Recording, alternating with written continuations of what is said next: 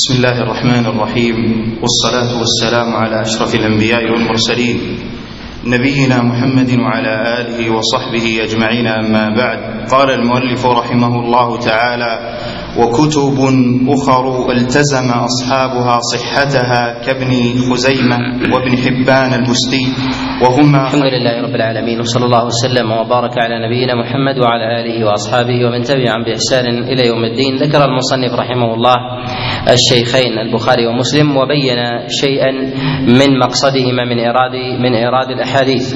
وتكلمنا أيضا كذلك على الأحاديث الزائدة عنهما. واشتراط الصحة يتباين بحسب بحسب قصد الإمام للشرط وكذلك أيضا بحسب قوته وتمكنه في أبواب العلل وضبطها. ولهذا لما كان البخاري ومسلم بالمنزلة المعلومة في أبواب العلل وكذلك أيضا معرفة معرفة وجوه التوقي للأحاديث كان الشرط لديهما كان الشرط لديهما قويا. فاحتاط عليهما رحمة الله للأحاديث ما لم يحتط ما لم يحتطه غيرهما. ولهذا نقول إن الكتب التي يشترط فيها الأئمة الصحة يتباينون في ذلك بحسب بحسب قصد الإمام وبحسب أهليته في هذا الباب. ويوجد من الأئمة من اشترط الصحة في كتابه وذلك كصحيح ابن خزيمة وكذلك ابن حبان وابن السكن وغيرها من المصنفات ومن الأئمة من اشترط شرطا مغايرا غير الصحة في كتابه. منهم من يشترط مثلا أن يورد الأحاديث الأحكام ومنهم من يورد الأحاديث المشتهرة ومنهم من يورد نوعا من أصناف الأحاديث كالأحاديث المرفوعة ومنهم الموقوفة ونحو ذلك. فإذا كان شرطه على هذا النحو فيخفف ما كان فيما كان فيما كان خارجا عن الشرط. وأما صحيح البخاري وابن خزيمة فينبغي أن نعلم أن أما صحيح ابن خزيمة وابن حبان فينبغي أن نعلم أن ابن خزيمة رحمه الله من جهة الدقة والاحتياط في كتابه الصحيح هو أحوط للأحاديث من من ابن حبان. وإن كان لابن حبان فضل على ابن خزيمة رحمه الله ورحم ورحم رحمهم الله جميعا إلا أن ابن خزيمة في أبواب الدقة والضبط والاحتياط للأحاديث الصحيحة هو أدق أدق من ابن حبان. وابن حبان هو من أئمة النقد وكذلك أيضا الضبط والمعرفة للرواة وكذلك الحياطة الحياطة للأسانيد. ويظهر كذلك بصر ابن خزيمة في كتابه الصحيح فإنه ضمن كتابه شيئا من أنواع العلل. فربما عقب بعض الأحاديث بكلام يفيد يفيد الإعلال. وربما قدم على الحديث ترجمة أو كلاما يفيد يفيد الإعلال. كالتشكيك بصحة الخبر كقوله باب باب كذا إن صح الخبر. وربما أورده وأورد بعده بعض الأحاديث التي تخالفه إشارة إلى إعلاله. ومعلوم أن لدى ابن خزيمة لدى ابن خزيمة صحيحان. الصحيح الكبير وهو مفقود والصحيح المختصر وهو الموجود. والذي بين أيدينا هو الموجود ويسمى بصحيح ابن خزيمة. وأما بالنسبة للكبير فهو أكبر من هذا وانتقى منه هذا المختصر وانتقاه بنفسه. وقد أشار إلى هذا في شيء من المواضع في كتبه. وكذلك أشار إلى كتابه الكبير بعض الأئمة الذين قد اطلعوا على كتابيه كالبيهقي رحمه الله في كتابه في كتابه السنن الكبرى. فإنه ينقل بعض الأحاديث عن ابن خزيمة وينسبها اليه وينسبها إليه وليست هي في كتابه في كتابه المختصر. وكتابه الصحيح ما يريده من جهة الأصل هو صحيح عنده. وأما بالنسبة لابن حبان فإنه قصد إيراد الأحاديث ولكنه يتساهل في أبواب صيغ السماع وكذلك أيضا في أبواب اللقي. وبالنسبة لجمع كلام ابن خزيمة أيسر من جهة جمع رأي لجمع كلام ابن حبان أيسر من جمع كلام ابن خزيمة. وذلك لأن ابن حبان رحمه الله له مصنفات متعددة فله كتابه الصحيح وله وله كتابه الثقات والمجروحين ومعرفة رواة الأمصار فله كتب متعددة يستطيع طالب العلم أن يستخرج منها منها رأيه في يستخرج منها رأيه في راو معين أو مثلا في مروية أو كذلك أيضا إسناد. لهذا تقدم الإشارة إلى أن مناهج الأئمة تعرف من وجوه ومنها ومنها النظر في مؤلفاتهم. ابن حبان رحمه الله في إراده للرواة وفي كتابه الصحيح يريد بذلك التعديل وذلك نظير ما في الصحيحين فإنهما إذا أورد حديثا في الصحيح فإنما يريدون بذلك تعديلا للرواة في الأغلب. ولكن ربما يعدلون الراوي بانتقاء حديثه عن شيخه أو رواية تلميذه عنه. ولهذا نقول إن هذا هذا الموضع الذي يورده الإمام كابن خزيمة وابن حبان نقول إنهما أرادا تعديلا لمن كان على هذا الوجه. بعض النقلة يعتمد على إخراج البخاري ومسلم وكذلك ابن خزيمة وابن حبان لراوي من الرواة وفيه مطعن فيقولون قد أخرج أصحاب الصحاح له كالبخاري ومسلم ولكن يغفلون على أن إخراج البخاري لهذه المروية إنما أخرجوا له عن شيخه عن شيخ بعينه. أو عن تلميذ بعينه أو في باب من أبواب المتون بعينه لا في سائر المعاني. لهذا ينبغي أن ينظر إلى الطبقة وكذلك أيضا التلميذ ونوع ونوع المروي. ولهذا تجد البخاري رحمه الله في أبواب الأحكام لا يروي عن المختلف فيهم كما يروي في غيره من أبواب من أبواب من أبواب السير والمغازي والأخلاق وكذلك أيضا التفسير ونحو ذلك. لهذا تجد شطر البخاري ال ال ال الآخر يختلف قوة من جهة الأسانيد عن شطره الأول باعتبار أن شطره الأول هو ما يتعلق في أبواب الأحكام وأن أكثر الرواة الذين يختلف فيهم وأخرج لهم البخاري هم في أبواب السير والمغازي وكذلك الفتن والملاحم وبدء الخلق. وغير ذلك. وهذا كما أنه في البخاري كذلك أيضا في مسلم كذلك عند ابن خزيمة كذلك عند ابن حبان. لأن الأئمة يولون المتون اهتماما. ومن يأتي إلى راوي روي له في هذه الكتب ويقول أخرج له فلان ويخبط خبط عشواء بذلك ولا يعلم الباب الذي أورد فيه ولا الشيخ الذي روي عنه ولا التلميذ الذي روى عنه فهذا نوع من القصور. ومعلوم أن الرواة يختلفون بحسب بحسب شيوخهم. قد يكون الراوي ضعيف لكنه إن روى عن أبيه أو عن شيخ قد اختص به لا يلام الراوي إذا حدث عنه إذا حدث عنه ولو كان فيه ضعف لقوة الاختصاص في هذا الباب. لهذا نقول إن النظر في الرواة الذين يخرج لهم أصحاب الكتب الذين يشترطون فيها الصحة ينبغي أن ينظر إليه من جهات متعددة. أن يؤخذ بداهة لأن هذا نوع من أنواع التعديل. الأمر الثاني أن ينظر إلى الباب الذي روي فيه. الأمر الثاني أن ينظر إلى الشيخ. الأمر الثالث أن ينظر أن ينظر إلى التلميذ. الأمر الرابع أن ينظر إلى عدد الأحاديث. هو أخرج له لكن كم مرة؟ مرتين أو ثلاث أو أربع أو عشر أو عشرين. الشخص الذي يحدث عن شخص ويكثر بالرواية عنه يعني أنه يعتز ويعتد بمرويه عنه. والشخص الذي يروي عن شخص رواية واحدة وقد لقيه وأخذ عنه الكثير دليل على أنه ما وجد ما ما يسعد السامع به إلا هذه المروية. يعني أنه يحتاط في هذا. لهذا ينبغي أن ينظر إلى هذه الوجوه إلى هذه الوجوه الخمسة. ما هذه الوجوه إبراهيم؟ عن الشيخ. نعم. تلميذ. وعن الباب. الباب. والرابع آه، ها العدد. والخامس؟ نعم. الشيخ. التلميذ الباب. العدد. العدد؟ نعم. نعم. هو العدد. ها. الاختصاص. نعم. ذكرنا الاختصاص. أنه لا بد أن ينظر إلى الشيخ وأن ينظر إلى التلميذ وأن ينظر إلى الباب وأن ينظر إلى الاختصاص وأن ينظر إلى العدد. أن ينظر إلى العدد. هذه تقيم تقيم الشيخ أن تأخذ على أي نحو روى عنه روى عنه أو لم يروي عنه. بعض الرواة يكون مقل في ذاته. ليس له إلا ثلاثة حديث. روى له البخاري حديثين. هذا يعني قوة وليس بقوة؟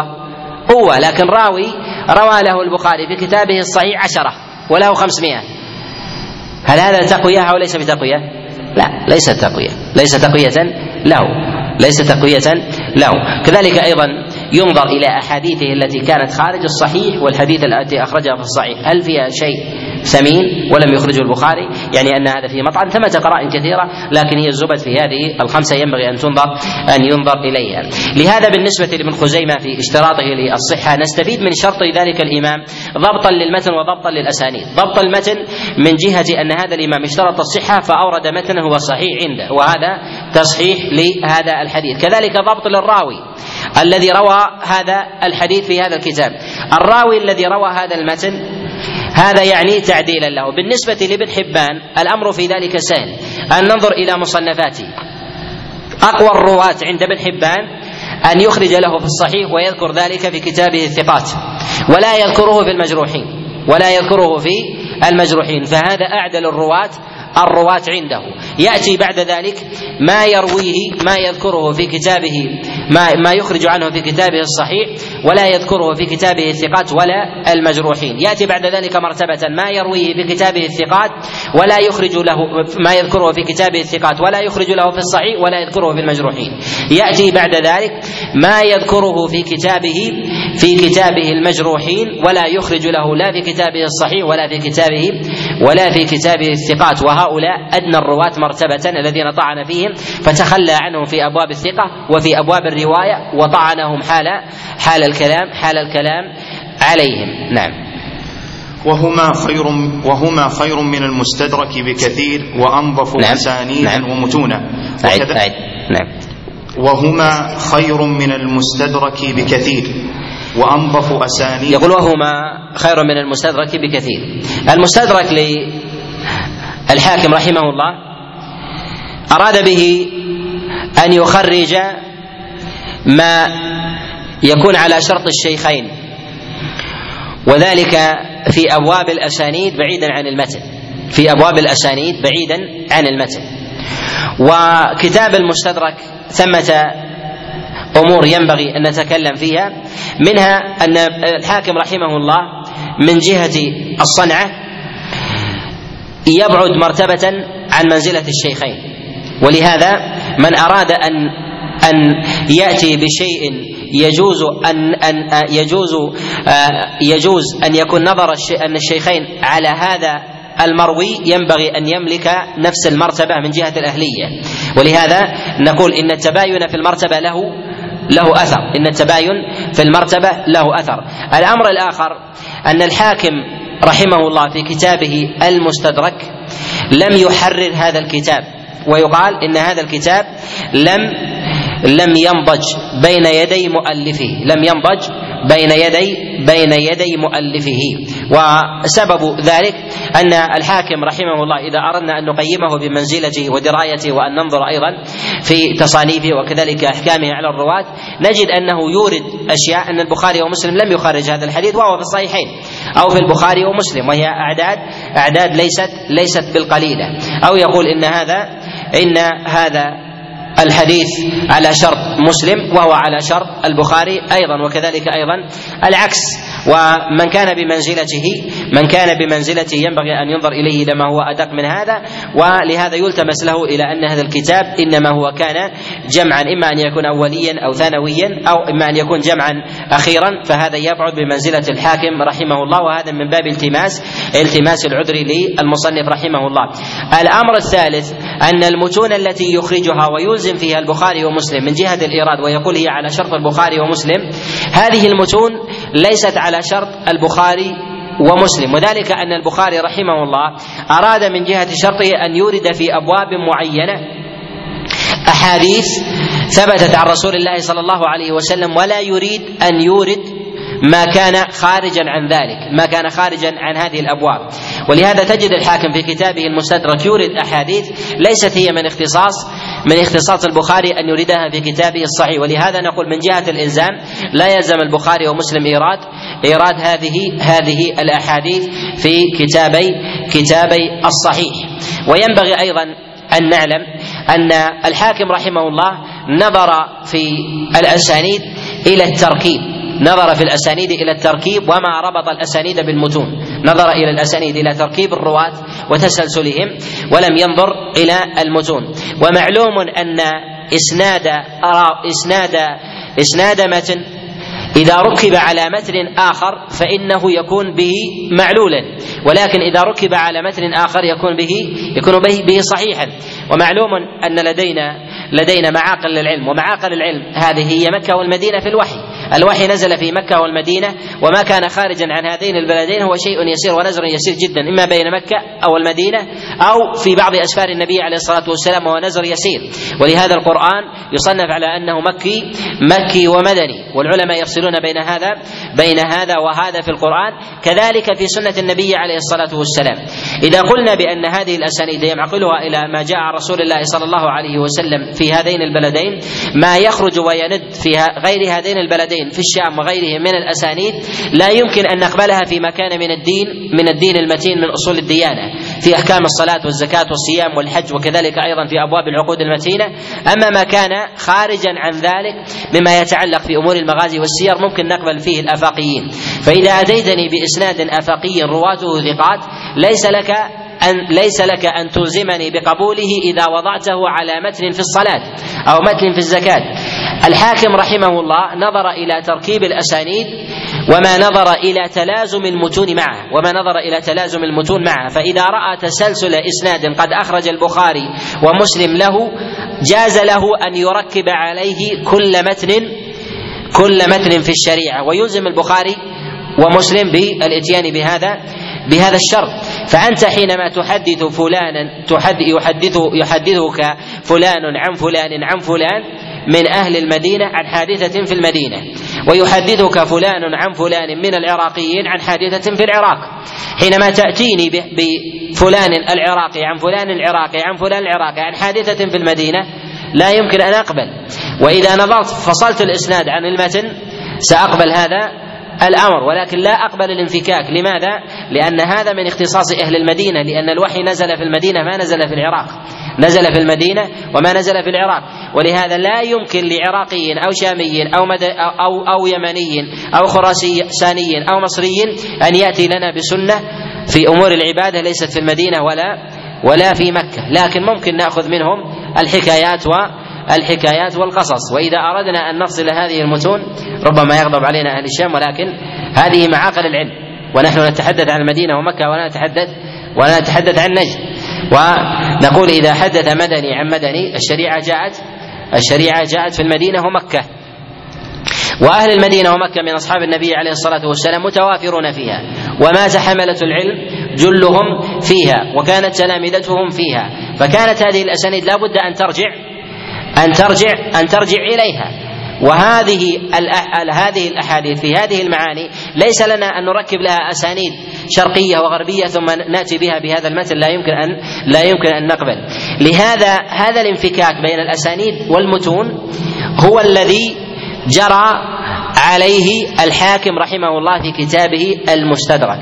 فيورد المتن فإذا رأى أن المتن موجود في فينظر إلى الإسناد فإذا كان الإسناد موجودا في كتاب الصحيح في البخاري أو مسلم قال هذا على شرط البخاري وهذا على شرط مسلم.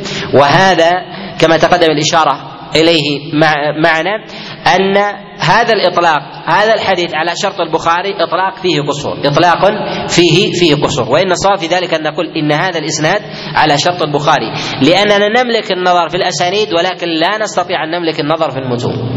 المتون هذا يلزم منه يلزم منه الصبر.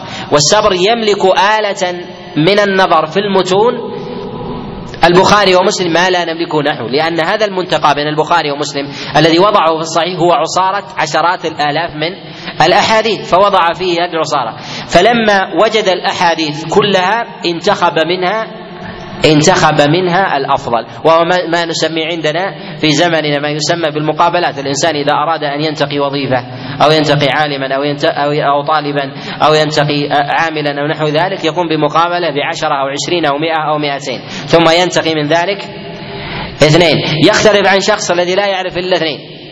لا يعرف إلا هذين الاثنين. ولهذا امتاز البخاري ومسلم بما يسمى السبر استعرضوا كل الأحاديث وانتقوا منها وانتقوا منها هذا الجمع. وهم وهي الخمسة آلاف من الأحاديث. نحن إذا أردنا أن ننظر لقيمة البخاري ومسلم ننظر إلى هذه الخمسة.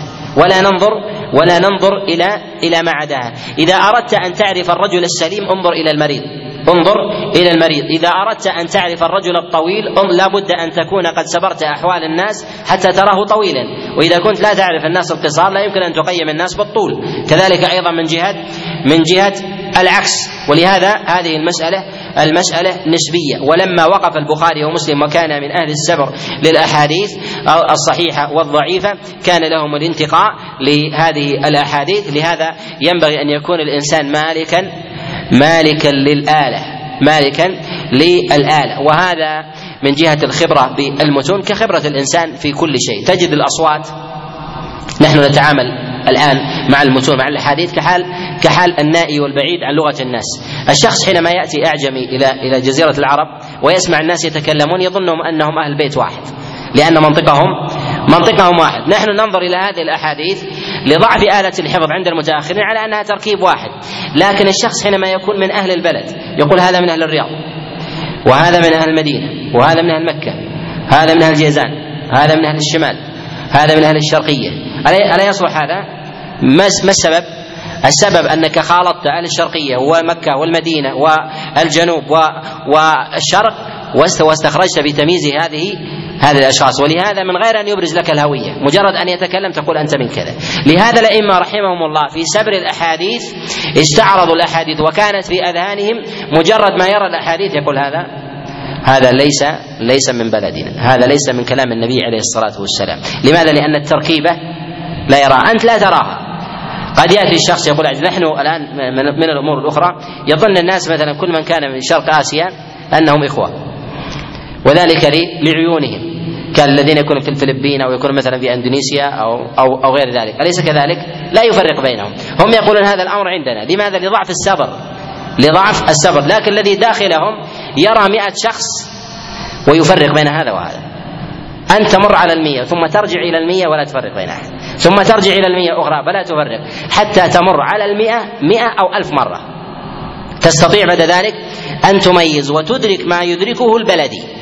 وتدرك ما يدركه البلدي. وكذلك أيضا في أبواب سنة النبي عليه الصلاة والسلام يستطيع الإنسان أن يميز ذلك إذا خالطها ووضعها في رأسه وحفظها. استطاع أن يقيس عليها أي حديث.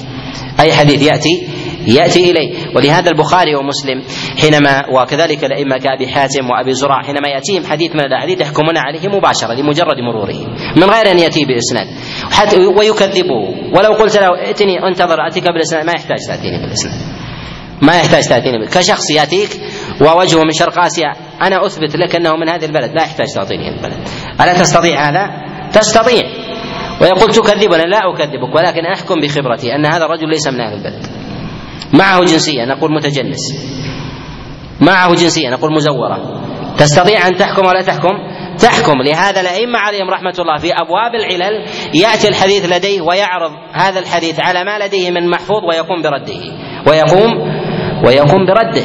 ولهذا ابن أبي حاتم رحمه الله يقول أتيت أبي أبا حاتم رحمه الله والد أبي حاتم رحمه الله وأبي زرعة بعشرة أحاديث فسألت هذا وسألت هذا فقول فيقولان فيقول الواحد منهم ولا يعلم بالآخر هذا حديث منكر هذا لا أصل له هذا هذا هذا كذب أو هذا موضوع ويأتي إلى الآخر فيتفق معه في ذلك فيقول ما السبب؟ يقول لا أدري.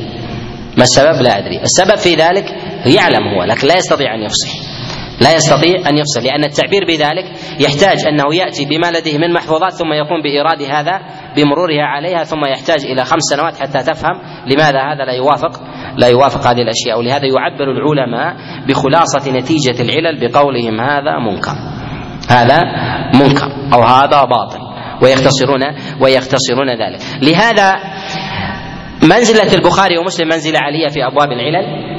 وكذلك في أبواب التصحيح لا يمكن للإنسان أن ينظر بنظر البخاري ومسلم في أبواب النقد وهذا يتعذر. حتى يكون الإنسان لديه ملكة في المتون قوية جدا يستطيع فيها يستطيع فيها أن يحكم عليها بما لديه بما لديه من من محفوظ.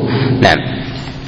وكذلك يوجد في مسند الإمام أحمد من الأسانيد والمتون شيء كثير مما يوازي كثيرا من أحاديث مسلم بل والبخاري أيضا وليست عندهما ولا عند أحدهما. الإمام أحمد رحمه الله في كتابه المسند قصد إيراد الأحاديث المتداولة عند الأئمة في الأمصار ويحتجون ويحتجون بها.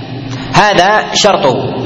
ذكره عنه ابنه عبد الله وكذلك أبو الفرج بن الجوزي وأبو موسى المديني وغيرهم من الأئمة. وهذا هو ظاهر في كلام الإمام أحمد ابنه حينما دفع المسند إليه.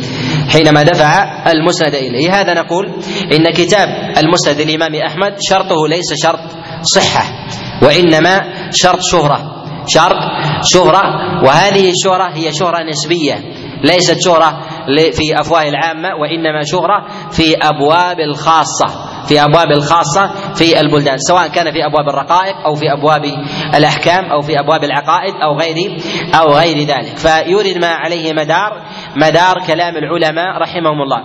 على هذا نعلم أن الإمام مسلم رحمه الله لم يورد الأحاديث الصحيحة في كتابه المسند قصدا وإنما يريدها في ذلك تبعا إلا أنه لا يورد الموضوع.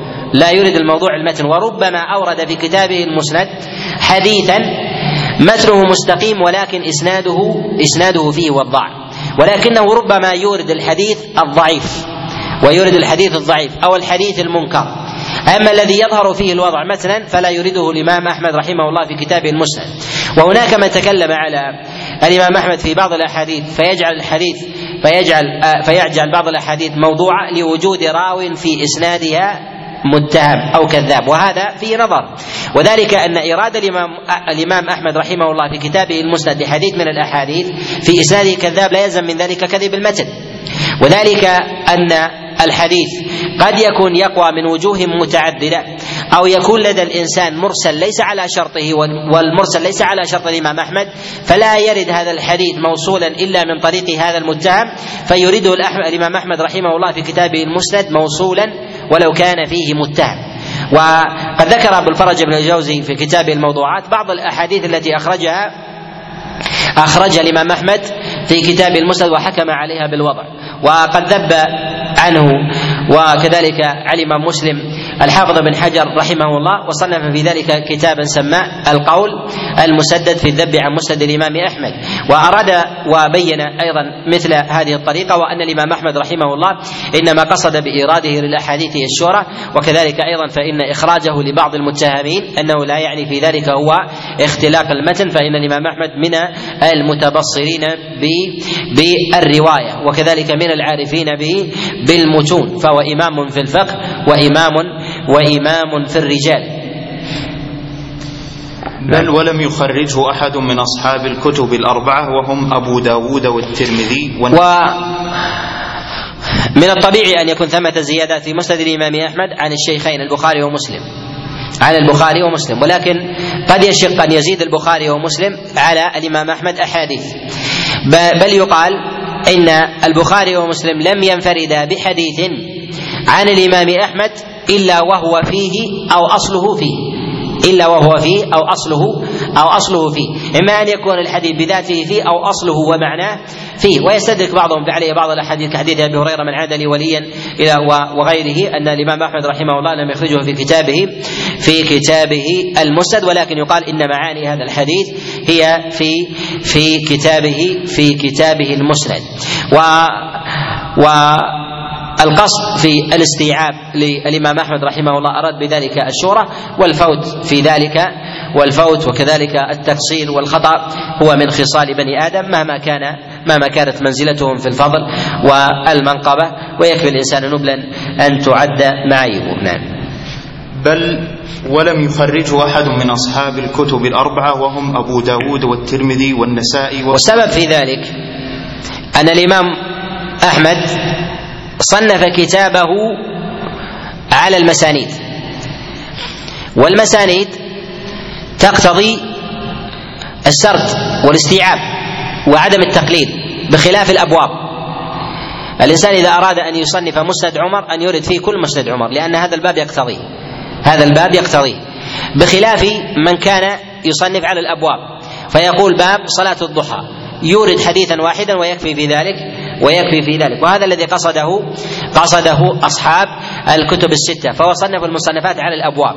وأما مسند الإمام أحمد رحمه الله فصنفه على المسانيد فيورد ما لديه من مسانيد هذا الراوي مما يناسب ويكون على شرط على شرط الإمام أحمد رحمه الله. ومما ينبغي أيضا أن أن يعلم أن أنه من المتأكد لطالب العلم إذا أراد أن يقف على حديث من الأحاديث أن يرجع إلى المسانيد لا أن يرجع إلى الكتب الستة. يرجع إلى المسانيد لا إلى الكتب الستة. لماذا؟ لأن المسند يورد الحديث بتمامه.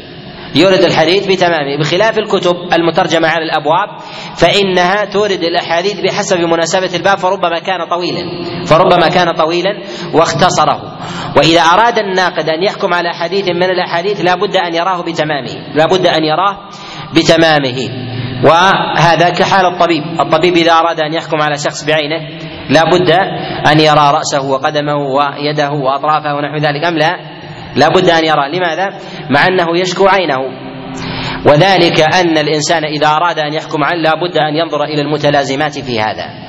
وإذا أخرج الإنسان يده لك من قوة أو نافذة يده أو رأسه هل تستطيع أن تحكم عليه بأنه سليم؟ لا ربما يكون أقطع أو أشل. وإلا لا به به علة حتى تراه سويا أمامك تقول هذا صحيح. هذا صحيح البدن. لهذا قد تكون الأحاديث الحديث مختصر والعلة فيما اختصر منه. فيما اختصر منه. فلا بد من الوقوف عليه بتمامه. فإذا أردت أن تخرج حديث من الأحاديث أو تقف على علته فلا بد أن تقف عليه تاما. تقول أريده كامل. أريد كامل والوقوف عليه كامل لا يكون بالنظر في الكتب المصنفة على الأبواب. مع أنها تورد الأحاديث في في كثير من الأحيان تامة لكنها لا تقصد ذلك لكنها لا تقصد ذلك الذي يقصدها هي كتب المسانيد وكذلك كتب كتب المعاجم. نعم. وكذلك يوجد في معجم الطبراني الكبير والأوسط ومسند أبي يعلى والبزار وغير ذلك من المسانيد والمعاجم والفوائد. وكتب المعاجم كمعاجم الطبراني الثلاثة وغيرها. وكذلك مسند البزار هي مضان للغرائب. مضان للغرائب. والعلماء رحمهم الله حينما صنفوا الأحاديث ودونوا المدونات كالبخاري ومسلم وكذلك الإمام أحمد ومن كان معهم في زمانهم. دونوا هذه المصنفات. احتاج العلماء إلى إيراد الأحاديث التي التي لم يخرجها أصحاب هذه المصنفات. فجاء التصنيف في إخراج ما أخرجه البخاري ومسلم ومحاولة الزيادة عليه. وهذه الزيادة قد زهد الأئمة في إرادها فكانت مضان للأحاديث المعلولة. مضان للأحاديث المعلولة. لهذا كتاب البزار المسند هو كتاب علل.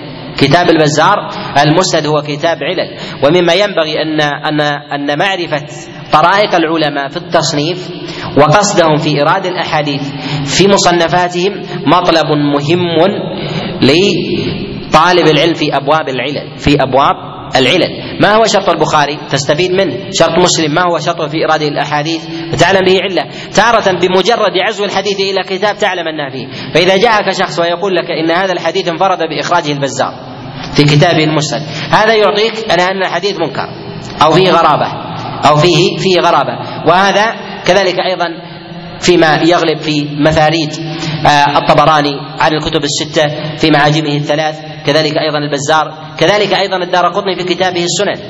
لأن الدار قطني في كتابه السنن إنما أراد أن يخرج في كتابه السنن المنكرات أو المعلولات في أبواب الأحكام في أبواب الأحكام. فإذا أخرج الدار قطني حديثا في كتابه السنن فإن هذا من مظان من مظان الإعلال.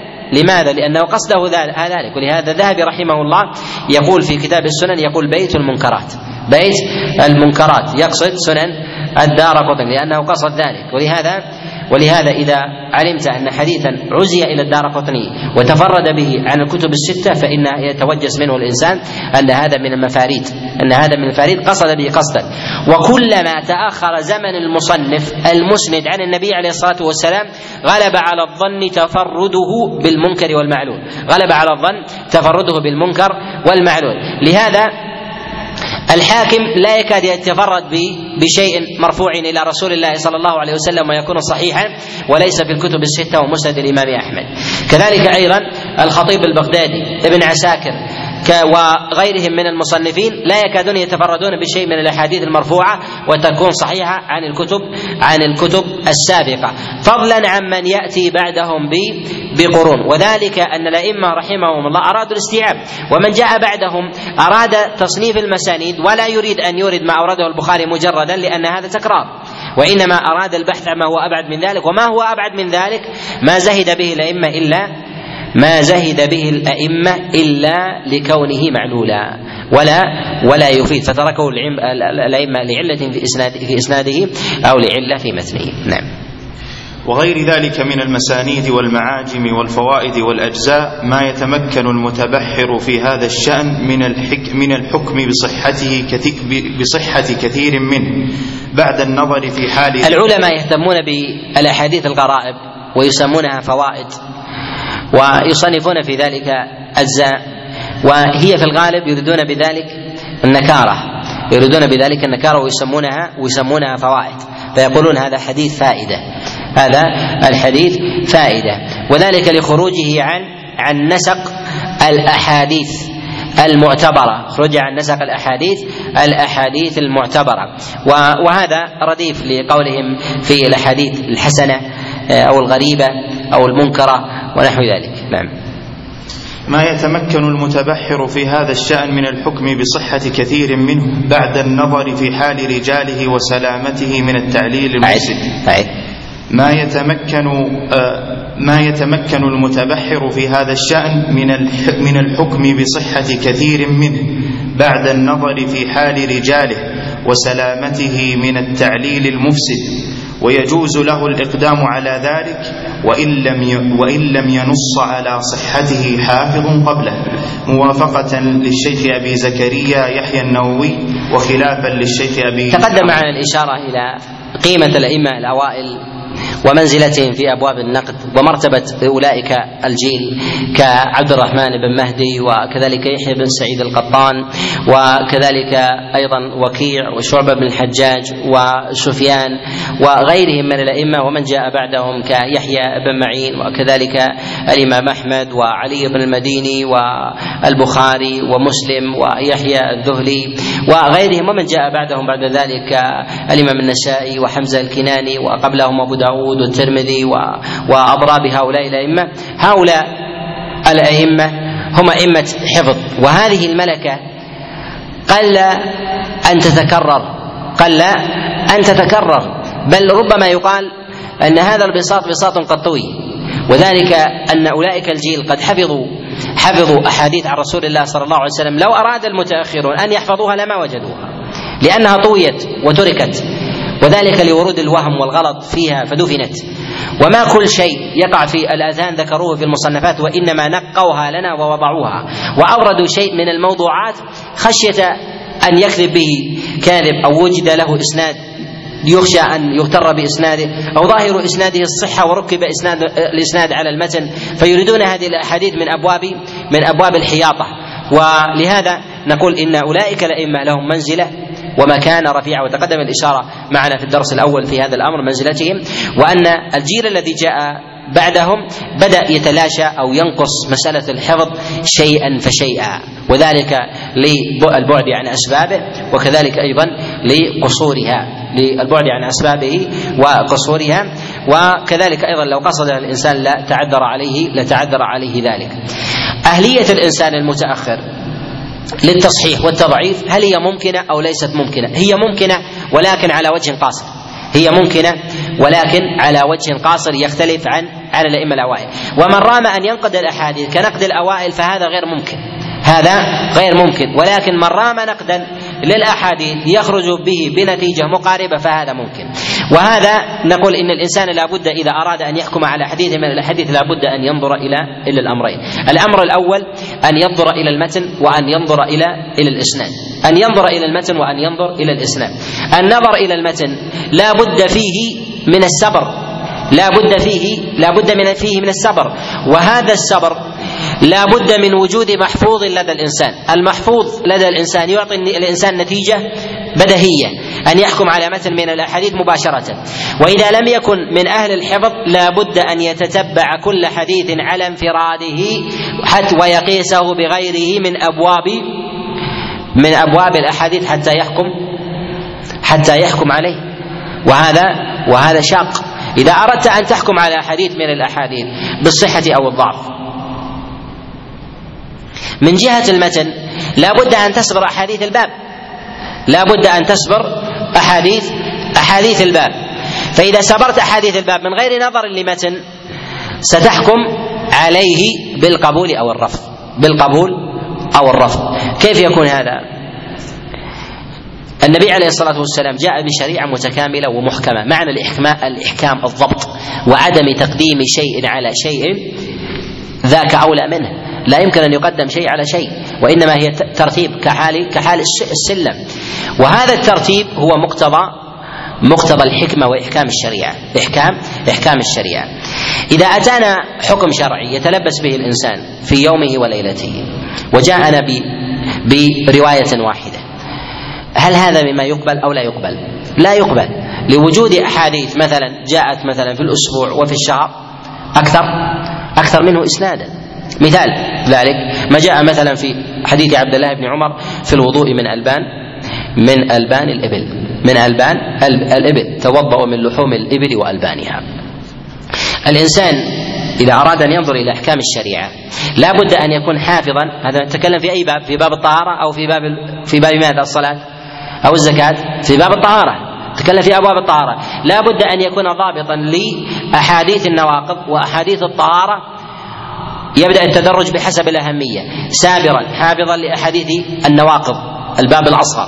حافظا لأحاديث الطهارة بكاملها. حافظا لأحاديث العبادة بكاملها. حافظا لأحاديث الأحكام بكاملها. حافظا لأحاديث الشريعة بكاملها. يأتي بذلك التدرج.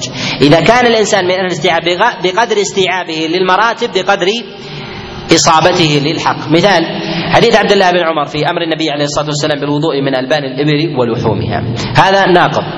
الناس يشربون الحليب حليب الإبل. أكثر أم يأكلون لحم الإبل؟ نعم. نعم. يشربون أكثر. اذا لا بد أن يثبت حديث الشرب أكثر من حديث اللحم. وإلا هذه ليست شريعة محكمة. ليست شريعة محكمة. كيف تعرف أن هذا الحديث معلول؟ تعرف معلول أنك تحفظ الأحاديث الواردة في الباب التي هي أقل اعتراضا منه هو أكثر منها لماذا لم يرد؟ لم يرد فيه ولهذا تقوم بإنكاره تقول هذا حديث منكر. لماذا؟ لأنك تعرف ثلاثة أحاديث هو حديث واحد لا بد أن يأتي أربعة فما فوق.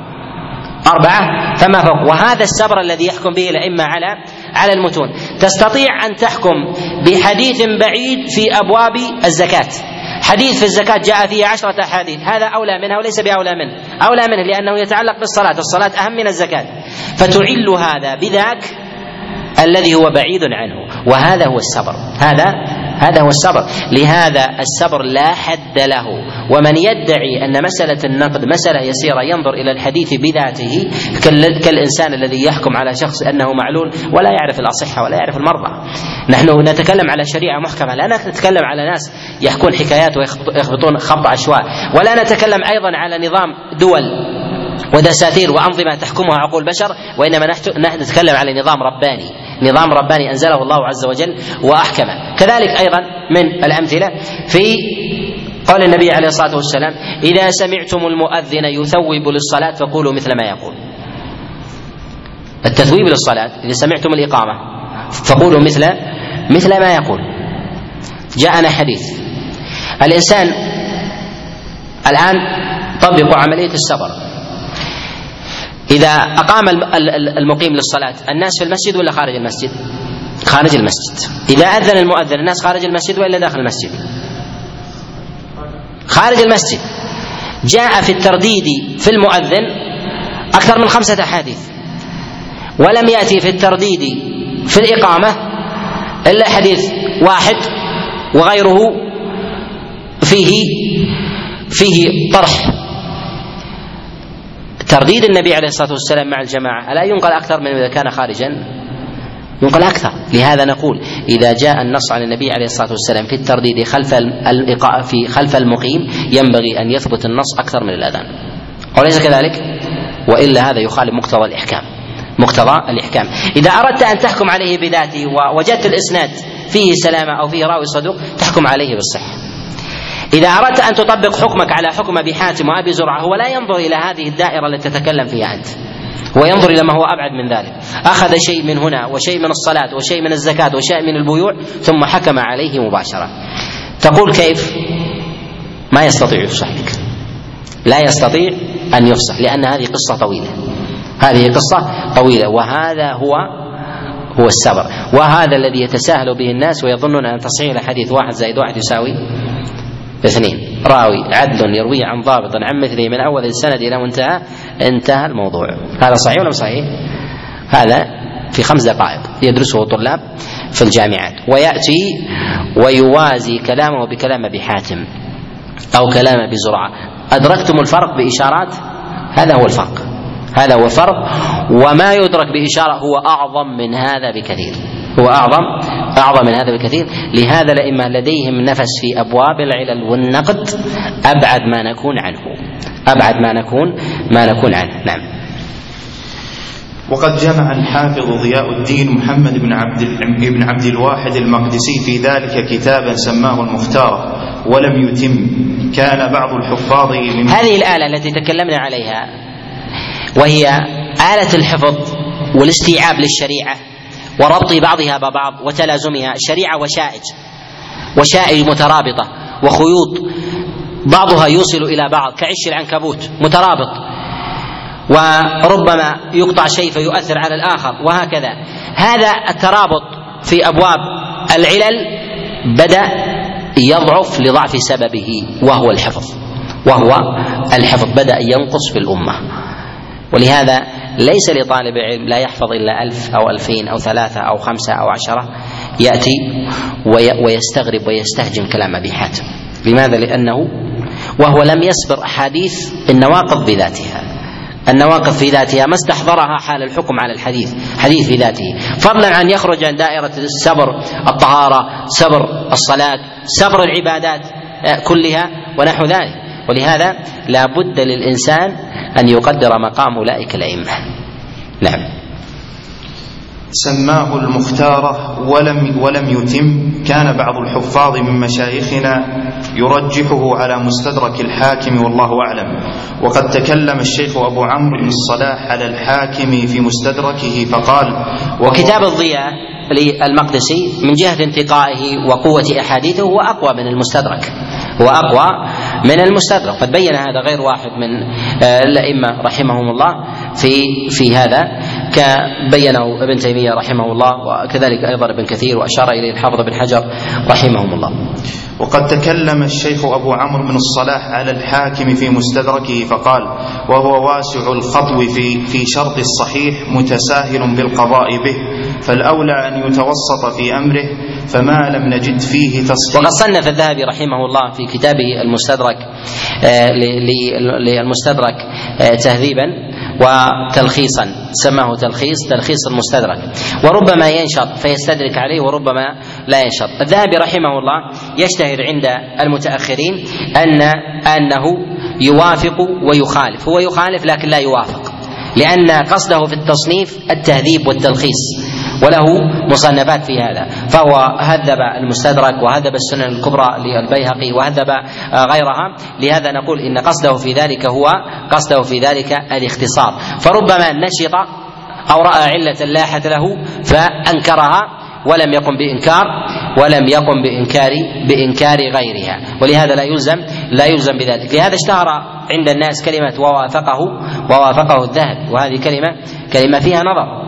وابتدأ بهذا الخزرجي رحمه الله في كتابه الخلاصة وكذلك أيضا آه، أشهرها المناوي رحمه الله في كتابه آه، في كتابه آه، في كتابه في في شرحه للجامع الصغير وكذلك أيضا اشرها الصديق حسن خان وكذلك الشوكاني والصنعاني وأكثر منها الألباني رحمه الله وفي اطلاقها وفي إطلاقها تجوز. نعم. فما لم نجد فيه تصحيحا لغيره من الأئمة فإن لم يكن صحيحا فهو حسن يحتج به إلا أن تظهر فيه علة توجب ضعفه. قلت في هذا الكتاب أنواع من الحديث كثيرة فيه الصحيح المستدرك وهو قليل وفيه صحيح قد خرجه البخاري ومسلم أو أحدهما لم يعلم به الحاكم وفيه الحسن والضعيف والموضوع أيضا. وقد اختصره شيخنا الحافظ أبو عبد الله الذهبي وبين هذا كله وجمع منه جزءا كبيرا مما وقع فيه من الموضوعات وذلك يقارب مئة حديث والله أعلم. موطأ مالك. تنبيه. قول الإمام محمد بن إدريس الشافعي رحمه الله لا أعلم كتابا في العلم أكثر صوابا من كتاب مالك إنما قاله قبل البخاري ومسلم. في قول الشافعي رحمه الله أكثر صوابا لا أكثر استيعابا. أكثر صوابا لا أكثر لا أكثر استيعابا. وإنما الإمام مالك رحمه الله أورد في كتابه الموطأ أحاديث نقية وكانت نقاوته سبب وكانت سبب اشتهاره وكذلك منزلة مصنفه رحمه الله. وسبب نقاوة هذا الإسناد لأنه في المدينة والإمام مالك رحمه الله لم يخرج من المدينة إلا للحج وشيوخه هم من المدنيين. ولهذا كان شيوخ الإمام مالك أهل نقاء والصدق والكذب لم يكن مشتهرا ومعروفا وكان الناس في ذلك الزمن أهل حيطة وحذر وكذلك وتوقي من نسبة الأقوال إلى رسول الله صلى الله عليه وسلم. فكان كتابه بالمنزلة المعلومة ولكن إنما قصر من وجوه منها الاستيعاب منها الاستيعاب وذلك أنه في باب الاستيعاب فيه نوع نوع قصور فلم يستوعب مسائل الدين في أبواب العبادات كلها بالكليات وكذلك الفروع وبعض أعلام المسائل وفضلا عن مسائل المعاملات. فتقدم غيره ممن استوعب في هذا الباب كالصحيحين وغيرها فاوردوا أحاديث لم تورد فتقدم هذان الكتابان على منزلة الإمام مالك رحمه الله في كتابه في كتابه الموطأ. مع بقاء جلالة هذا الكتاب عند الأئمة عناية وشرحا وكذلك كلاما عليه. وقد شرح واعتني بهذا الكتاب من قبل مجموعة من الأئمة منهم من يتكلم على أسانيده ورتب الكلام عليه بناء على أسانيده كابن عبد البر رحمه الله في كتابه التمهيد. ومنهم من تكلم على فقه ومعانيه وأسب في ذلك أيضا ابن عبد البر في كتاب الاستذكار وتبعوا على ذلك ائمه وخلق كثير من المالكيين ومنهم من صنف على هذا من الشافعية أيضا على موطأ الإمام مالك باعتبار أن الصلة بين الإمام مالك والشافعي صلة ظاهرة فللإمام مالك منا على الإمام الشافعي ظاهرة بخلاف الإمام أحمد رحمه الله فإنه أخذ فقه الإمام مالك بواسطة الإمام الشافعي وغيره فانه لم يلقه رحمه الله. وهذا لهذا في ثمة تقارب وتواصل بين فقه المالكية والشافعية بين فقه المالكية والشافعية وثمة تقارب بين الشافعية والحنابلة بين الشافعية والحنابلة. نعم. وقد كانت كتب كثيرة مصنفة في ذلك الوقت في السنن لابن جريح وابن إسحاق غير السيرة. ولأبي ولأبي قرة موسى بن وهذه المصنفات التي صنفت في الزمن الأول في المصنفات في المسانيد أو الأجزاء ككتب ابن جريج وكذلك أيضا الزهري محمد بن شهاب وكذلك أيضا سعيد بن أبي عروبة وغيرها من المصنفات هي مصنفات منها ما تلاشى وزال ومنها ما هو موجود ولكن انضم إلى غيره انضم إلى غيره. فبعض مصنفات ابن جريج اندرجت في كتاب عبد الرزاق المصنف كما اندرج الجامع لمعمر بن راشد الأزدي وكذلك أيضا مرويات سعيد بن أبي عروبة في كثير من الأبواب منها ما طبع منفردا ككتاب المناسك ومنها ما أدخل في كثير من في المصنفات. فوجدت المرويات بمجموعها. وهناك أشياء مما مما كان في عداد المفقود لبعض الأئمة في بعض المسانيد كمسند سفيان سفيان الثوري وكذلك بعض كتب سفيان بن عيينة وكذلك أيضا وكيع ابن الجراح. نعم. ولأبي قرة موسى بن طارق الزبيدي ومصنف عبد ومصنف ومصنف عبد الرزاق بن همام وغير ذلك. وكان كتاب مالك وهو الموطأ أجلها وأعظمها نفعا وإن كان بعضها أكبر حجما منه وأكثر أحاديثا وقد طلب المنصور من الإمام مالك أن يجمع ونقاوة هذه الأحاديث وكذلك ما كان لدى الإمام مالك رحمه الله من مرويات لها أثر على فقهه. لا أثر على فقهه فكان فقهه من أكثر المذاهب من أكثر المذاهب صوابا وذلك لقربه من زمن النبي عليه الصلاة والسلام.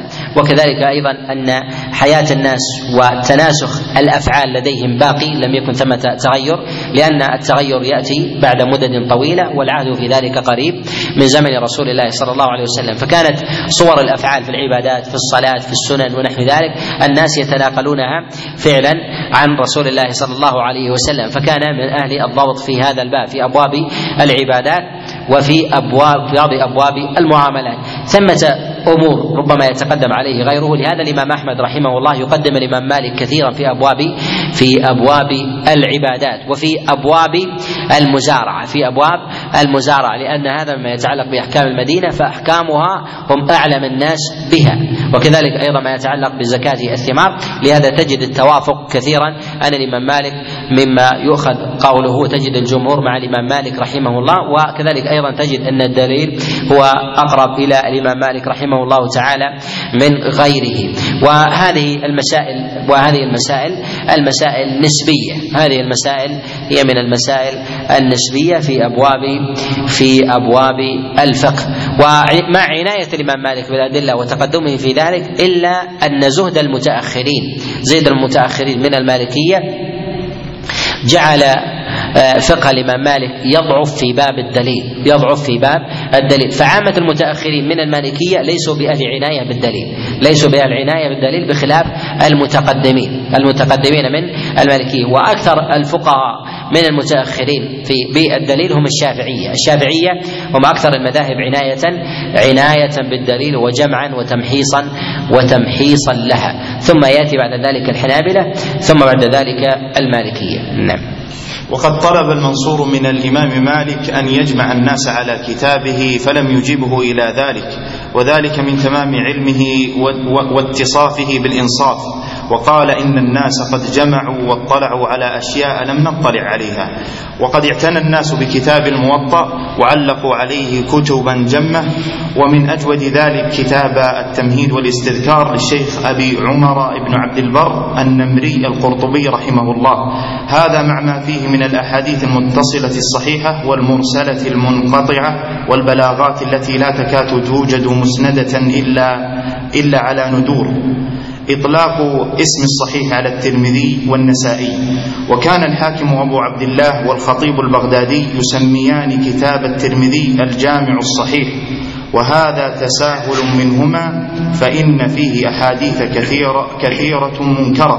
وقول الحافظ أبي, أبي علي ابن, ابن السكن وكذا الخطيب البغدادي في كتاب السنن النسائي إنه صحيح فيه نظر وأن له شرطا في الرجال أشد من شرط مسلم غير مسلم فإن فيه رجالا مجهولين إما عينا أو حالا وفيهم المجروح وفيه أحاديث ضعيفة ومعلولة ومنكرة كما نبهنا عليه في الأحكام. للإمام النسائي رحمه الله في السنن كتابان كتاب السنن الكبرى وهو الذي قصده بالتعليل ابتداء والمجتبى أو ما يسمى بالسنن الصغرى. وقيل أنه اختصرها واختصر ابن ناصر الدين على كل فأصل كتابه هو السنن السنن الكبرى والكلام إنما هو على على سننه سننه الكبير.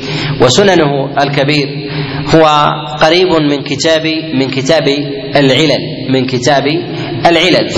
فهو يعل كثيرا من الأحاديث ويرد اسانيد ويرجح بينها ويظهر وجوه الاختلاف في بعض في بعض الأسانيد. يظهر في ذلك بصره رحمه الله في أبواب العلل وكذلك السعه حفظه وإدراكه أيضا لاحوال لأحوال الرواة.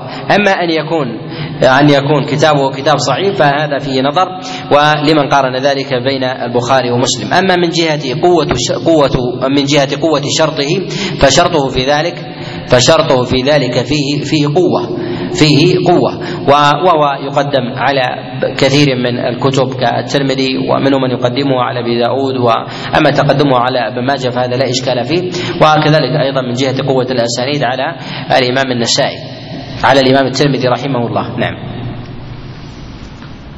مسند الإمام أحمد. وأما قول الحافظ أبي موسى محمد بن أبي بكر المديني عن مسند الإمام أحمد إنه صحيح فقول ضعيف فإن فيه أحاديث ضعيفة بل وموضوعة كأحاديث فضائل مر وشهداء عسقلان والبرث الأحمر عند حمص وغير ذلك كما قد نبه عليه طائفة من الحفاظ.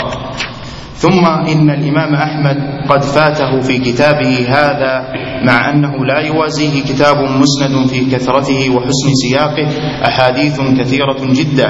بل قد, بل قد قيل إنه لم يقع له جماعة من الصحابة الذين في الصحيحين قريبا من, من المئتين. قريبا من مئتين. الكتب الخمسة.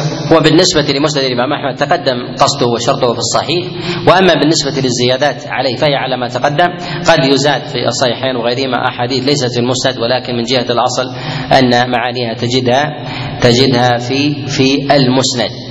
أو تكون هذه الأحاديث التي تزاد على الإمام أحمد رحمه الله هي مما لم يعتد بها الأئمة أصلا لا من جهة الاحتجاج لا في الاصول والفروع ولا في أبواب ولا في أبواب الآداب وإما تكون من جملة الأخبار التي تحكى بأخبار الأمم السابقة أو اللاحقة. الكتب الخمسة وغيرها وهكذا قول الحافظ أبي طاهر السلفي في الأصول الخمسة يعني البخاري ومسلما وسنن أبي داود والترمذي والنسائي إنه اتفق, إنه اتفق على صحتها علماء المشرق والمغرب تساهل منه وقد أنكره ابن الصلاح وغيره.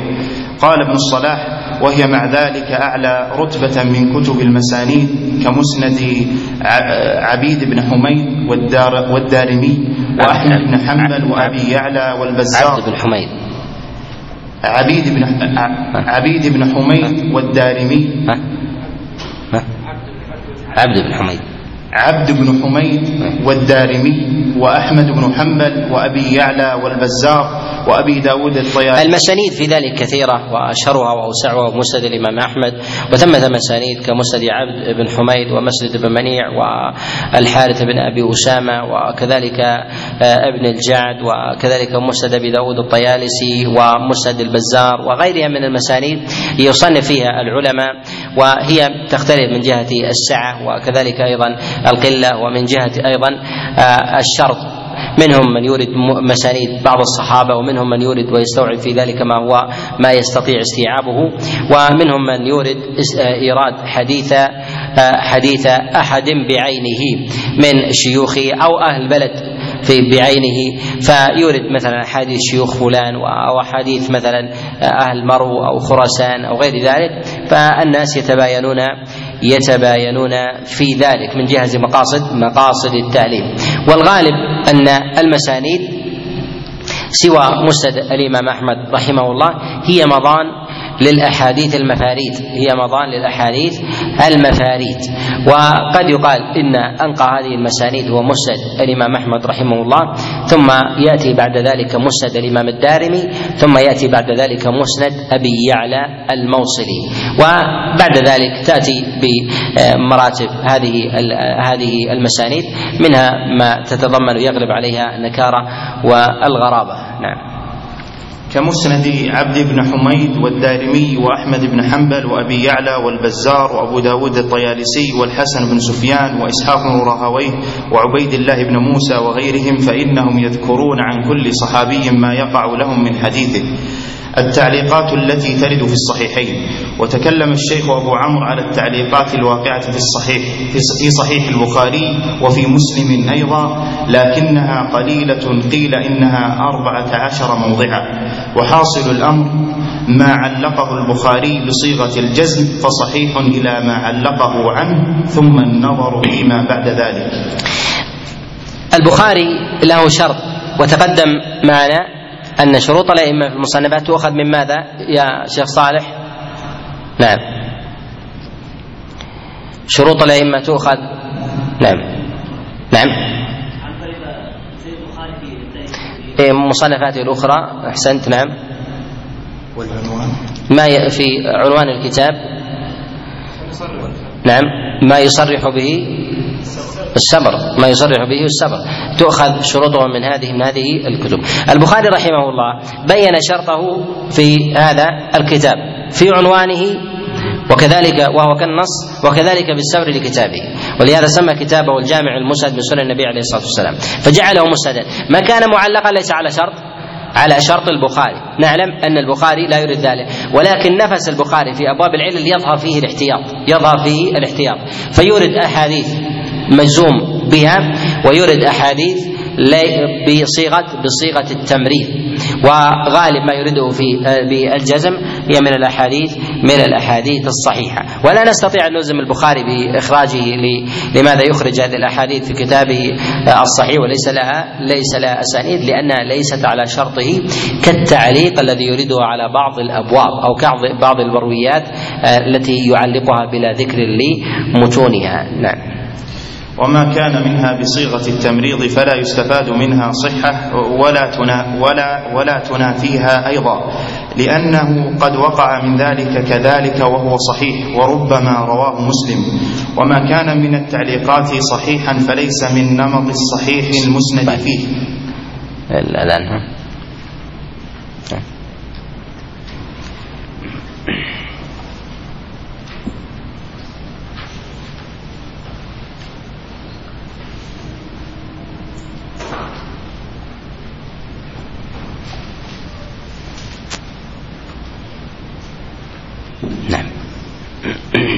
وما كان من التعليقات صحيحا فليس من نمط الصحيح المسند فيه لأنه قد وسم كتابه بالجامع المسند الصحيح المختصر في أمور رسول الله صلى الله عليه وسلم وسننه وأيامه.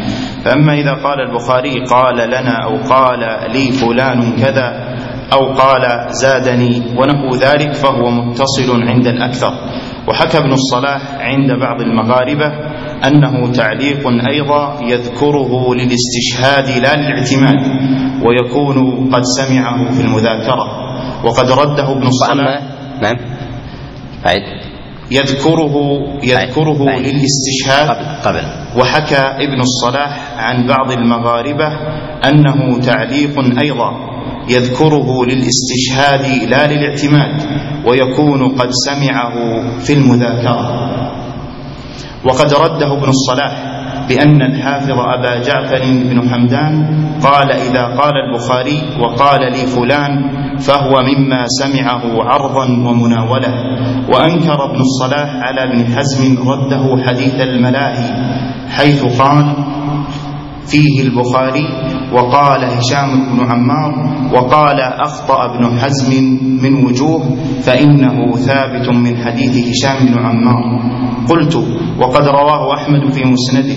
وأبو داود في سننه وأخرجه البرقاني في صحيحه وغير واحد مسندا متصل متصلا إلى هشام بن عمار وشيخ وشيخه أيضا كما بيناه في كتاب الأحكام ولله الحمد.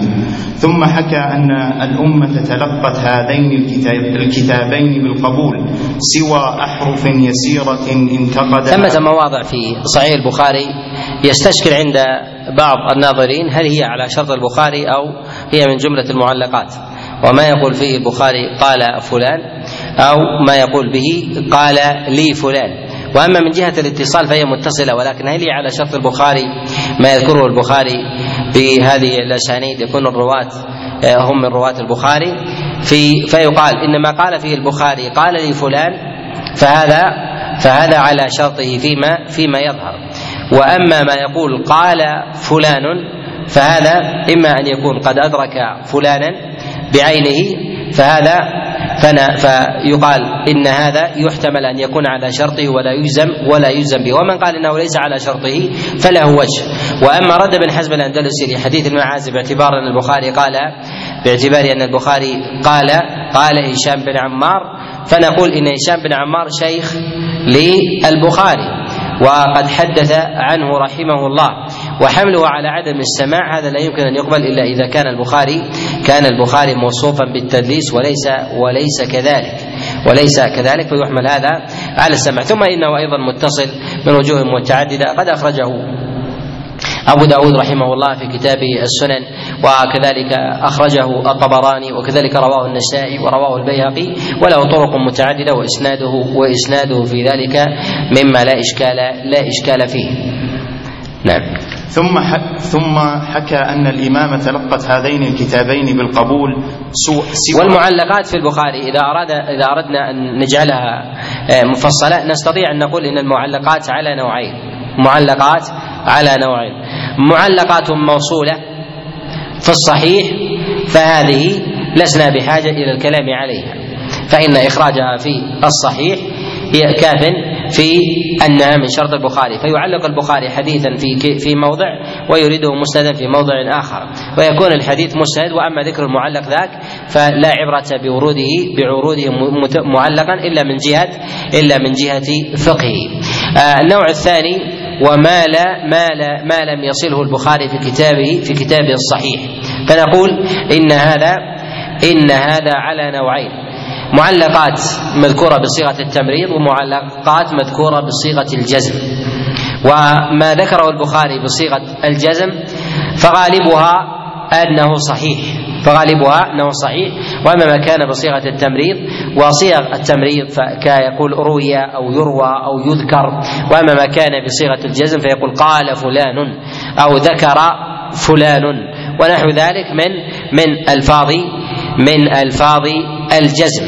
فنقول إن صيغ الجزم في ذلك غالبها أنها صحيحة وأما بالنسبة لصيغ التمريض فغالبها أنها معلولة وقد تصح وقد تصح. وقد يورد البخاري أحاديث معلقة بصيغة التمريض وهي صحيحة وسبب اراده لها بصيغة التمريض أن البخاري رواها بالمعنى. أن البخاري رواها بالمعنى أو يكون للحديث وجهان. فأورد الوجه الأقل صحة وترك الأقوى صحة لمناسبة لمناسبة الباب. لمناسبة الباب وهذا يرد وهذا يرد في بعض المواضع المواضع في الصحيح. وأما بالنسبة لوصلها خارج الصحيح فيقال إن المعلقات في كتاب البخاري الصحيح قد صنف فيها الحافظ بن حجر رحمه الله كتابه كتابه تغليق التعليق وأي أنه أغلق المعلقات ووصل ووصلها ووصل الجملة الوافرة في هذا وفاته شيء يسير. وهذا الفوت منه ما هو موجود عند ابن رجب رحمه الله في كتابه الفتح وقد تمه ووصله ومما لم يوجد في كتاب التغليق ومنها ما هو موجود في الفتح. من الفتح وهو نزر يسير أيضا وهو نزر يسير في كتاب الفتح للحافظ ابن حجر ومنها ما هو موصول معلوم وفات ابن حجر رحمه الله وصل هذه هذه الآثار أو هذه هذه الأحاديث. نعم. ثم حكى أن الأمة تلقت هذين الكتابين بالقبول سوى أحرف يسيرة انتقدها بعض الحفاظ. القبول عند العلماء المراد بذلك هو العمل العمل بها. و والقبول يجعله العلماء متواتر. ولو كان الحديث بإسناد واحد ولكن عملت به الأمة وعمل به العلماء جعلوا ذلك اعتدادا به. فآمن به الشرقيون والغربيون على هذا على هذا الحديث فقالوا تلقته الأمة بالقبول. فيقولون إن هذا الحديث متواتر. لهذا المتواتر عند الإمام أحمد هو الذي تلقته الأمة الأمة بالقبول وهو أعلى مراتب الصحة. أعلى مراتب أعلى مراتب وكأن الأمة أجمعت على صحته. وهو أقوى من الحديث الذي روي من طريقين وثلاثة وأربعة وخمسة. إذا كان غريبا وتلقته الأمة بالقبول وهو العمل. نعم. سوى أحرف يسيرة انتقدها بعض الحفاظ كالدار كالدار قطني. وهنا ثمة سؤال وهو هل في البخاري ومسلم أحاديث ضعيفة؟ وهذا ما يريده البعض ويتكلم عليه. البخاري ومسلم في كتابيهما لم ليس لهما العصمة. ولو قيل إن الحروف التي في الصحيحين هي الحروف التي تلفظ بها النبي عليه الصلاة والسلام ولا يوجد فيها وهم وغلط أو تقديم أو تأخير للزم في ذلك العصمة. لهذا الكتاب فيكون محفوظ حفظا تاما كما حفظ الله عز وجل كتابه. وهذا وهذا ليس كذلك بل يقال إن فيها تقديم وتأخير لا يخل بالمعنى غالبا. وفيها بعض الأحرف الذي الذي التي يغلب على الظن كون هذا الحرف زائد أو معلول ولكن أن يوجد في البخاري حديث بتمامه بكماله يضعفه الأئمة ويردونه فلا.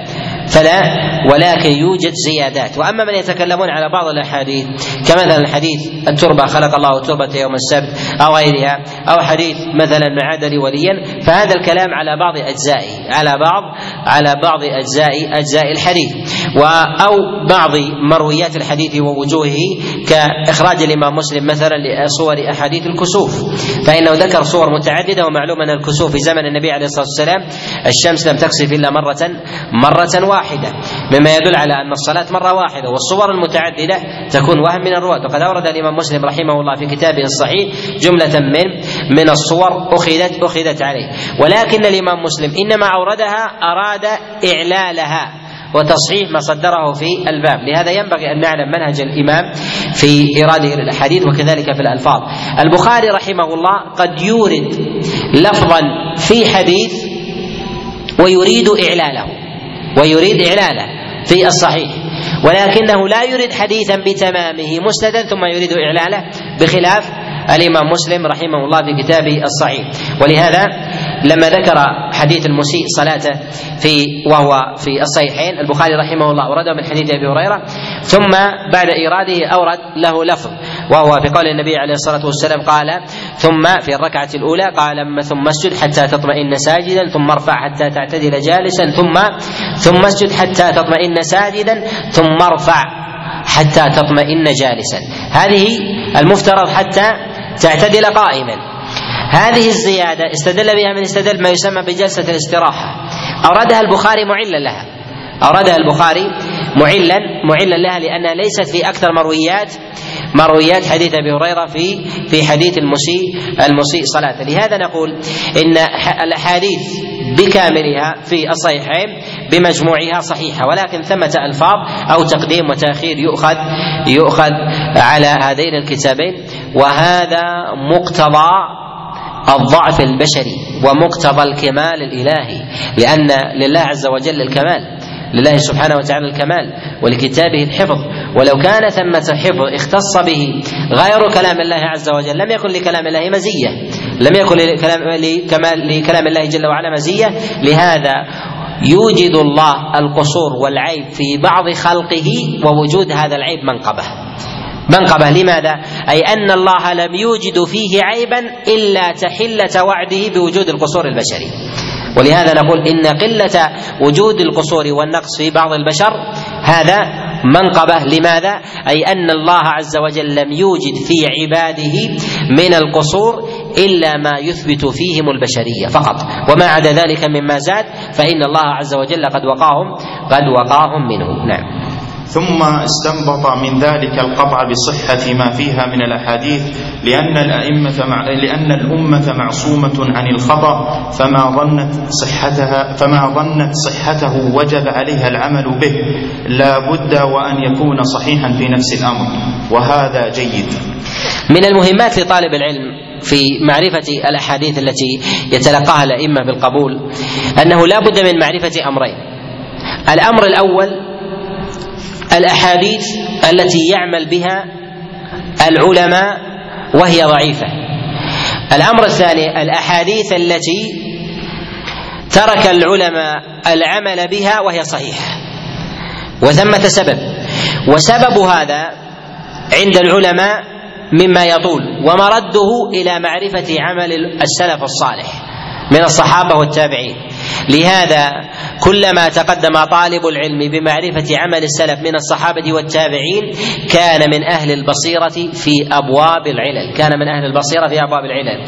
فينبغي له أن يتفقه بفقه الصحابة في فقه التابعين في فقه أتباع التابعين وأن يعرف عمل المدنيين عمل المكيين وترابط الشيوخ أيضا من جهة العمل. فإذا كان من أهل البصيرة في هذا استطاع أن يعل. استطاع أن يعل الحديث. هذا لم يعمل به أحد. وهذا له أثر على الإنسان في ابواب في أبواب العلل. كيف يكون هذا؟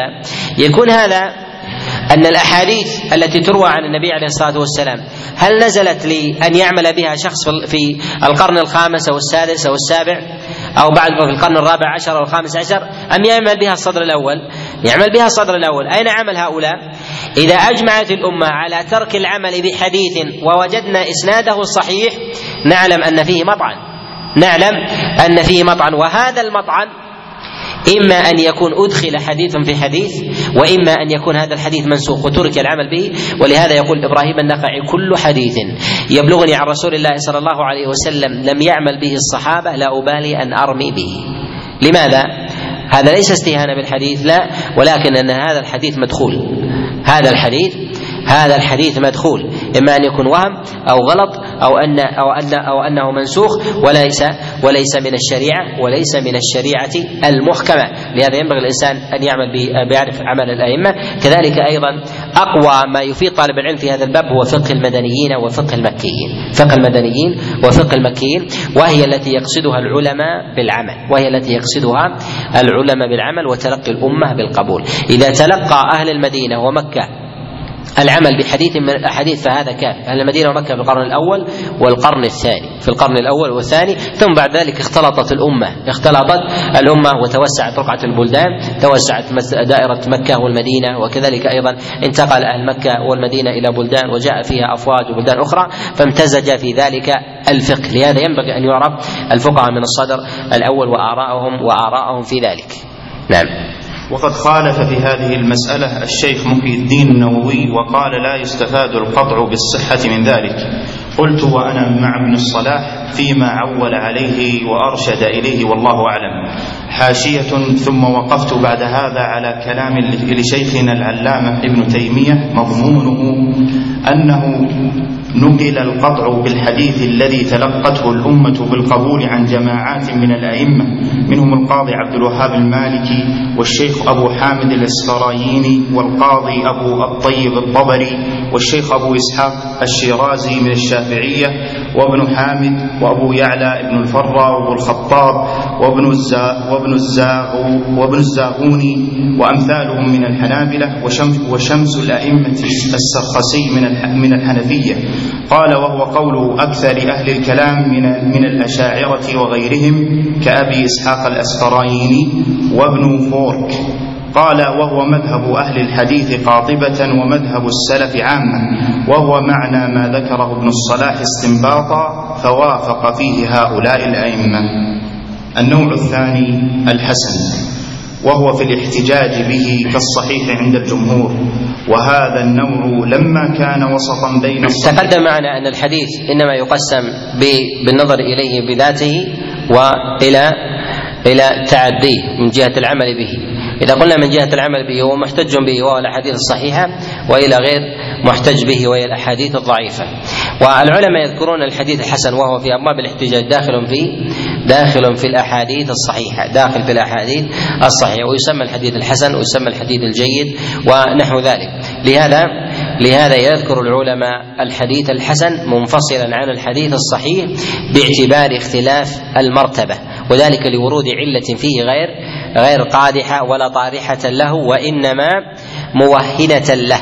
وذلك كالعلة التي تقع في الإنسان علة بدنية لا تسقط التكليف عنه لا تسقط التكليف عن الإنسان ولكنها تصيبه بعلة ويستطيع أن يقوم ويأتي بالتكليف والواجب يتوجه إليه كذلك أيضا من جهة الحديث فيه علة ولكن هذه العلة لا تسقطه. وهذا يدركه العلماء من جهة تمييز العلل الواردة من جهة قوتها وضعفها وكذلك من جهة الاعتبار بها وعدم الاعتبار. وينبغي أن نعلم أيضا أن الأحاديث الحسنة التي يذكرها العلماء عند تقسيمهم بالأحاديث يقال إن اصطلاح العلماء يتباين فمن العلماء من يطلق الأحاديث الحسنة ويريد بها معنى يختلف عن المعنى الذي يجري عليه العلماء في كتب في علوم الحديث وقواعده ويريدون بذلك معنى معنى آخر. العلماء الأوائل في الغالب يطلقون الأحاديث الحسنة ويريدون بها الأحاديث الغريبة، يريدون بها الأحاديث الغريبة، فإذا أطلقوا كلمة الحسن فيريدون بها الغرابه وهذا يظهر في كلام أحمد وكذلك أيضا في كلام الترمذي والدار قطني وكذلك الإمام مالك قبل ذلك. ومنهم من يريد بالحسن الحسن الاصطلاحي وهو وهو قليل. يريدون بذلك الغرابة والأئمة المتأخرون. يريدون بإطلاق كلمة الحسن هي الحسن الاصطلاحي. يريدون بذلك والحسن الاصطلاحي أي حديث حسن مستحسن وينبغي أو يتأكد العمل به. وهذا النوع لما كان وسطا بين الصحيح والضعيف في نظر الناظر لا في نفس الأمر عسر التعبير عنه وضبطه على كثير من هذا هذا. وهذا النوع لما كان وسطا بين الصحيح والضعيف في نظر الناظر لا في نفس الأمر عسر التعبير عنه وضبطه على كثير من أهل هذه ولهذا وجد العلماء حرجا في ضبط الحديث الحسن في ضبط الحديث الحسن لاختلاف لاختلاف أوصافه وكذلك للاختلاف في العلل. ودائما مرحلة الوسط هي موضع إشكال وأما الأطراف فتكون بينة. الأطراف بينة كحال الحمى كحال الحمى. وهذا ما يتنازع فيه الناس بمعرفة حقيقة حقيقته وإدراكه وإدراكه بذاته ومعرفة أوصافه التي يطلق عليها ذلك ذلك الوصف. لهذا وجد بعض العلماء صعوبة في ذكر الحديث في ذكر الحديث الحسن أو تعريفه أو وضع حد ضابط له كما أشار إلى هذا الذهبي رحمه الله في كتابه الموقظة قال وأنا على إياس على إياس من حد هذا يعني من حد الحديث الحسن لوجود الاختلاف والتباين على العلل القادحة وغير القادحة وكذلك أيضا وضع حد له لأنه في بي في بي في بينية بين الأحاديث الصحيحة والأحاديث والأحاديث الضعيفة. وذلك لأنه أمر نسبي شيء ينقدح عند الحافظ ربما تقصر عبارته عنه وقد تجشم كثير. نكتفي بهذا.